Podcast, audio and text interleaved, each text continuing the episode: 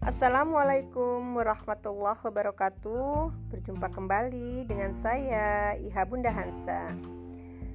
Sahabat muslimah Bagaimana kabarnya? Semoga sehat walafiat dalam keberkahan Allah SWT Baiklah eh, Kali ini masih seputar tawakal Tulisan dari salah satu yang ditulis oleh Anan Aji ya.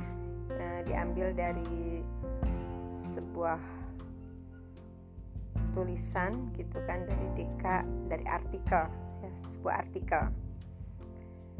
Sahabat muslimah kali ini saya akan menyampaikan satu artikel tentang kekuatan sabar dan tawakal dalam menghadapi ujian dan cobaan.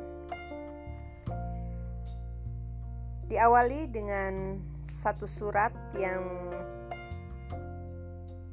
di dalam Al-Qur'an yang di surat Al-Baqarah ayat 155 sampai 156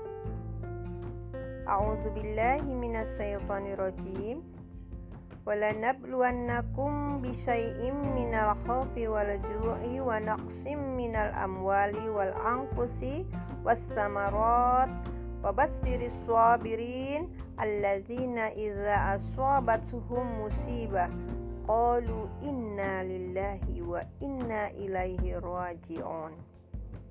yang artinya dan sesungguhnya akan kami berikan cobaan dengan suatu ketakutan dan kelaparan, dengan kekurangan harta, jiwa, dan buah-buahan.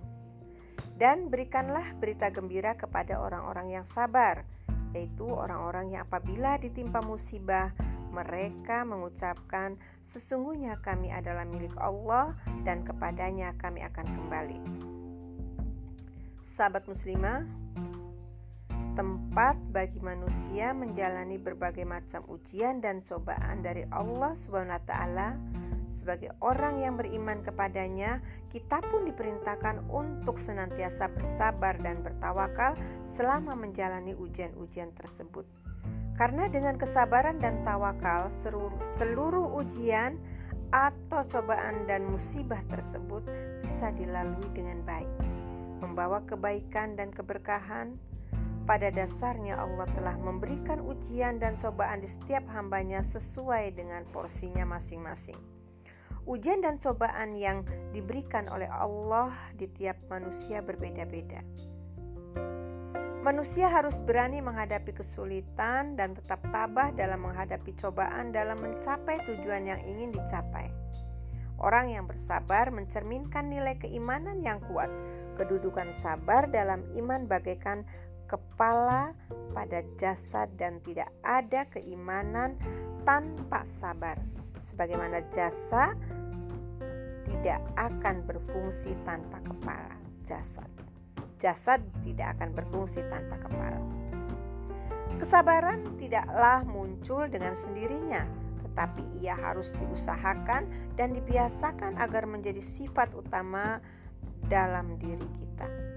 Di sinilah dibutuhkan pengorbanan melawan keinginan bat hati dan perjuangan menahan nafsu. Sahabat muslimah, sementara itu tawakal merupakan pelengkap sejati sifat sabar. Tawakal merupakan kerja hati memasrahkan seluruh ujian dan cobaan kepada kehendaknya. Tawakal berkaitan erat dengan keriduan kita menjadikan Allah sebagai pelindung dalam kehidupan. Kehadiran tawakal dalam diri akan menghadirkan kemudahan mengatasi persoalan karena kita benar-benar mengharap pertolongan dan kemudahan hanya dari Allah Subhanahu wa taala. Sahabat muslimah,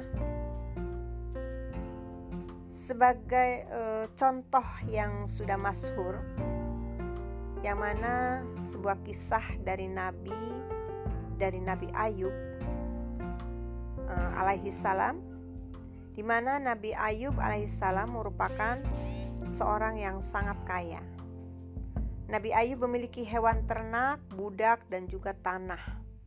Nabi Ayub juga dikaruniai seorang istri dan anak-anak yang baik dan soleha. Namun pada suatu ketika atas izin Allah, kawanan iblis menghancurkan dan meluluh lantahkan kekayaan Nabi Ayub. Hewan-hewan ternak mati satu persatu sehingga habis tak tersisa. Kemudian disusul ladang-ladang dan kebun-kebun tanamannya yang rusak menjadi kering dan rumah yang terbakar habis dimakan api. Dalam waktu yang sangat singkat, Nabi Ayub yang kaya raya tiba-tiba menjadi miskin, tidak memiliki apa pun selain hatinya yang penuh iman dan takwa, serta jiwanya yang sabar dan tawakal. Sahabat muslimah, ujian demi ujian yang dihadapi Nabi Ayub dimulai dari anak-anaknya yang meninggal, hartanya habis tak tersisa, ternaknya bias binasa, sampai ia sendiri terkena penyakit yang sangat sulit disembuhkan. Seluruh badannya digerogoti, kecuali lisan yang ia gunakan untuk berzikir. Hari-hari berlalu, kerabat dan sanak saudara mulai meninggalkan Nabi Ayub tinggallah seorang istri setia yang menemani dan mengurus semua keperluan Nabi Ayub. Penyakit Nabi Ayub semakin lama semakin parah. Sekalipun demikian, Nabi Ayub tetap tabah dan menerimanya sebagai cobaan dari Allah Subhanahu wa taala. Keimanannya kepada Allah Subhanahu wa taala tidak berkurang sedikit pun justru beliau semakin rajin beribadah dan mendekatkan diri kepada Allah Subhanahu wa taala. Sahabat muslimah, penyakit Nabi Ayub sangat parah sehingga ia hanya dapat berbaring. Semakin lama kondisinya semakin memburuk. Penyakit ini ia derita sudah 18 tahun. Selama beliau sakit, Seluruh penduduk di sekitarnya mengasingkan dirinya. Hanya istrinya yang mengurus segala keperluan Nabi Ayub. Namun, iblis selalu menghasut istri Nabi Ayub yang bernama Rahma. Iblis membisikkan kebencian ke dalam hati istri Nabi Ayub. Pada suatu hari, istri Nabi Ayub mengatakan hal-hal yang menyakiti Nabi Ayub. Nabi Ayub pun sangat sedih. Ia bersumpah apabila ia sembuh kelak, ia akan memukul istrinya sebanyak seratus kali. Pada saat kondisi Nabi Ayub semakin lemah, Allah menurunkan wahyu, kepadanya. Hentakkanlah kakimu, inilah air yang sejuk untuk mandi dan untuk minum. Nabi Ayub menghentakkan kakinya ke tanah sehingga air keluar.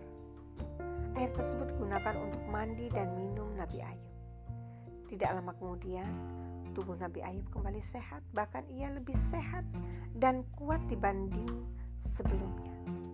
Setelah sembuh, istri Nabi Ayub kembali kepada suaminya. Nabi Ayub teringat dengan sumpahnya, namun ia tak sampai hati memukul istrinya. Nabi Ayub mengalami kebingungan akan sumpahnya. Ia tidak dapat memenuhi sumpahnya. Akhirnya turunlah perintah Allah agar Nabi Ayub melaksanakan sumpahnya ia diperintahkan memukul istrinya menggunakan seratus helai rumput yang diikat. Sahabat muslimah, kisah Nabi Ayub ini telah diceritakan dalam Al-Quran dalam surat As-Swad ayat 41 sampai 44 yang artinya dan ingatlah akan hamba kami Ayub ketika ia menyuruh Tuhannya sesungguhnya aku diganggu setan dengan penderitaan dan bencana Allah berfirman, hentakkanlah kakimu. Inilah air yang sejuk untuk mandi dan untuk minum. Dan kami anugerahi dia dengan mengumpulkan kembali keluarganya dan kami lipat gandakan jumlah mereka sebagai rahmat dari kami dan pelajaran bagi orang-orang yang berpikiran sesat. pelajaran bagi orang-orang yang berpikiran sehat dan ambillah seikat rumput dengan tanganmu Lalu pukullah dengan itu dan janganlah engkau melanggar sumpah. Sesungguhnya kami dapat di dia Ayub seorang yang sabar. Dialah sebaik-baik hamba, sungguh dia sangat taat kepada Allah. Sahabat muslimah, dari kisah Nabi Ayub tersebut tersadar ada tiga macam ujian yang dihadapi manusia di dunia yaitu ujian kesulitan, ujian kesenangan, dan kesalahan. Ujian kesulitan dapat muncul dalam bentuk kekurangan harta, kelaparan, penyakit, dan musibah-musibah lainnya. Sementara ujian kesenangan dapat berupa harta yang banyak, istri yang cantik, dan kedudukan sosial yang tinggi. Di antara ketiga ujian itu, ujian kesulitan adalah yang paling ringan. Karena ujian tersebut tidak hanya dialami oleh orang-orang yang beriman, tetapi juga orang kafir. Banyak manusia yang berhasil menjalani ujian kesulitan dengan baik, meskipun mereka tidak beriman kepada Allah SWT. Akan tetapi sedikit sekali orang yang beriman dan orang kafir yang mampu melewati ujian kesalahan. Hal tersebut disebabkan tidak adanya petunjuk yang mereka dapatkan dari Allah taala. Akibatnya, mereka terus mengulangi kesalahan dan dosa yang sama dan wak dari waktu ke waktu. Tidak sedikit manusia yang terlena oleh berbagai kesenangan di dunia yang mereka rasakan sehingga mereka pun lupa akan patuh kepada Allah. Sahabat muslimah, dalam menghadapi berbagai ujian, ada beberapa sikap yang harus dilakukan seorang mukmin. Yang pertama, tetap merasa yakin atau optimis bahwa akan datang pertolongan Allah kepada kita. Yang kedua, segera mengucapkan inna lillahi wa inna ilaihi rajiun. Ya. Sikap selanjutnya adalah bertawakal kepada Allah. Tawakal menjadi salah satu syarat bagi seseorang mendapat pertolongan Allah. Sahabat muslimah, ada hal yang kita perhatikan saat bertawakal. Yang pertama, jangan menyandarkan hati kepada selain Allah. Sehingga jadi eh, jangan menyandarkan hati kepada selain Allah. Jika kita menyandarkan hati kepada selain Allah saat menghadapi satu masalah atau musibah, pertolongan Allah akan semakin jauh dari kita. Yang kedua, dalam bertawakal, jangan melakukan ikhtiar dengan mudarat yang lebih besar daripada manfaat, seperti menyelesaikan segala urusan dengan cara-cara yang eh, Jadi menyelesaikan segala urusan harus dengan cara yang syar'i, bukan dengan cara yang haram.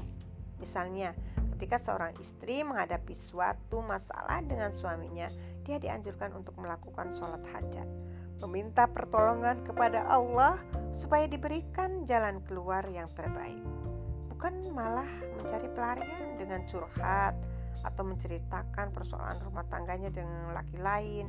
Terakhir, ketika ia bertawakal, kita harus berserah diri sepenuhnya kepada Allah. Dari awal hingga berakhirnya urusan.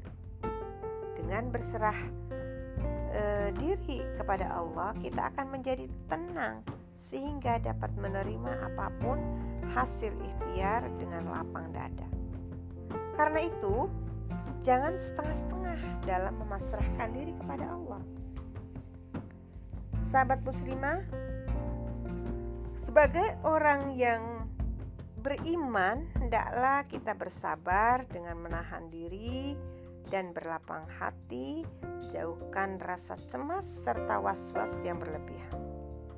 Kembalikan semua yang kita alami kepada Allah yang Maha Agung dan Maha Mengetahui karena kesabaran akan selalu berujung kepada kebahagiaan. Seperti halnya pernyataan Umar bin Al-Khattab, kami dapat merasakan kenikmatan dalam hidup ketika kami mampu bersabar. Sabar bukanlah suatu sikap yang mudah kita lakukan, tapi juga tidak sulit kita usahakan.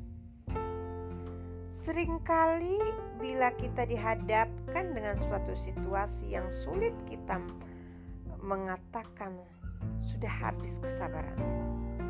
Padahal kesabaran itu takkan habis dan tak akan ada batasnya.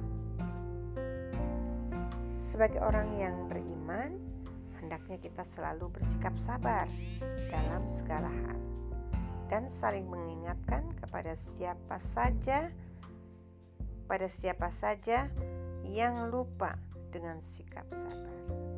Tidak ada yang kebetulan. Segala sesuatu yang kita alami, entah itu baik atau buruk, selalu ada hikmah di balik semuanya. Selalu ada yang dapat kita jalani, selalu ada eh, selalu ada yang dapat kita pelajari dari setiap orang yang datang dan pergi di dalam kehidupan kita. Semuanya hanya dapat kita pahami jika kita mau belajar untuk melihat dengan hati dan lapang dan pikiran yang terbuka. Kombinasi kesabaran dan tawakal senantiasa hadir dalam diri dan jiwa setiap manusia. Kemudian dan kemudahan dan kesuksesan akan menjadi capaian tersendiri. Semoga kita semua termasuk orang-orang yang sabar dan tawakal. Wallahu a'lam. Sahabat muslimah, artikel tadi mudah-mudahan bisa menambah kesabaran kita ketika Allah memberikan kesabaran itu dengan berbagai macam ujian yang Allah berikan. Baiklah, sampai di sini saja. Sampai di sini dulu kita akan sambung insya Allah dalam kesempatan yang lain. Sampai berjumpa. Wassalamualaikum warahmatullahi wabarakatuh.